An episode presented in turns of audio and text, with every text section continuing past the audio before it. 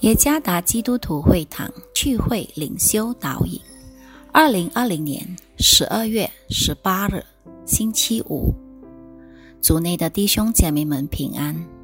今天的领袖导引，我们将会借着圣经马太福音第二章第一到第二节来思想今天的主题：竭力敬拜他。作者万必恩传道。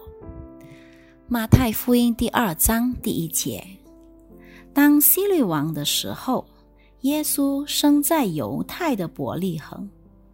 有几个博士从东方来到耶路撒冷，说：“那生下来做犹太人之王的在哪里？我们在东方看见他的心，特来拜他。”我们是否曾经听过人说？我实在很难赞美和敬拜上帝，尤其是在患难的时刻。这可能对我们来说，他们所说的实在是令人不解。但是这确实是，当暴风雨来临时，经常会发生在基督徒身上，总是会感到在艰难困苦时难以敬拜，不是吗？博士被称为知者或东方的王。作为精通星象的博士，他们每天的生活都很安稳和舒适。跟以上的那句话“患难时刻难以敬拜”对比来说，这些博士反而特意选择艰难的路途去朝拜婴儿耶稣。他们在东方看见基督的心，特意千里迢迢来拜他。试想象一下，六百公里遥远艰难的路途，还可能会失去一切的风险。但想到能遇见和敬拜基督，这就是激励他们的原因。当他们看见婴儿耶稣，就俯伏拜他。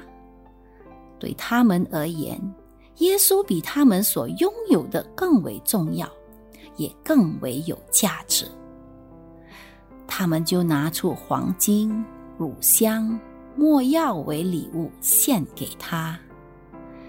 这些博士们就是那些为了敬拜基督而敢于付出一切代价的，超越一切阻碍的挑战与风险。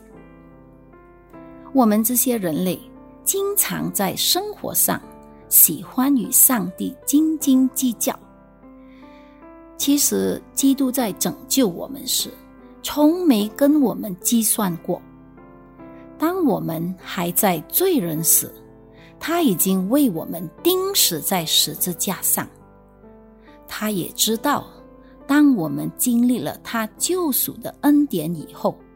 我们还会常常让他忧伤。倘若基督因着他对我们的爱，为我们的牺牲，那我们更应该献上最好的祭祀。这些祭祀不是由我们的环境来决定是否好坏，唯有基督本身来断定。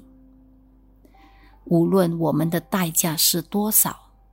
基督人就是配得起我们敬拜的，超越我们生活上的一切。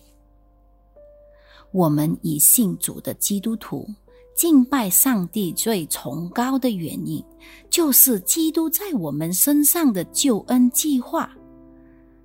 这个救恩超越我们今日生活上所面临的一切艰难困苦。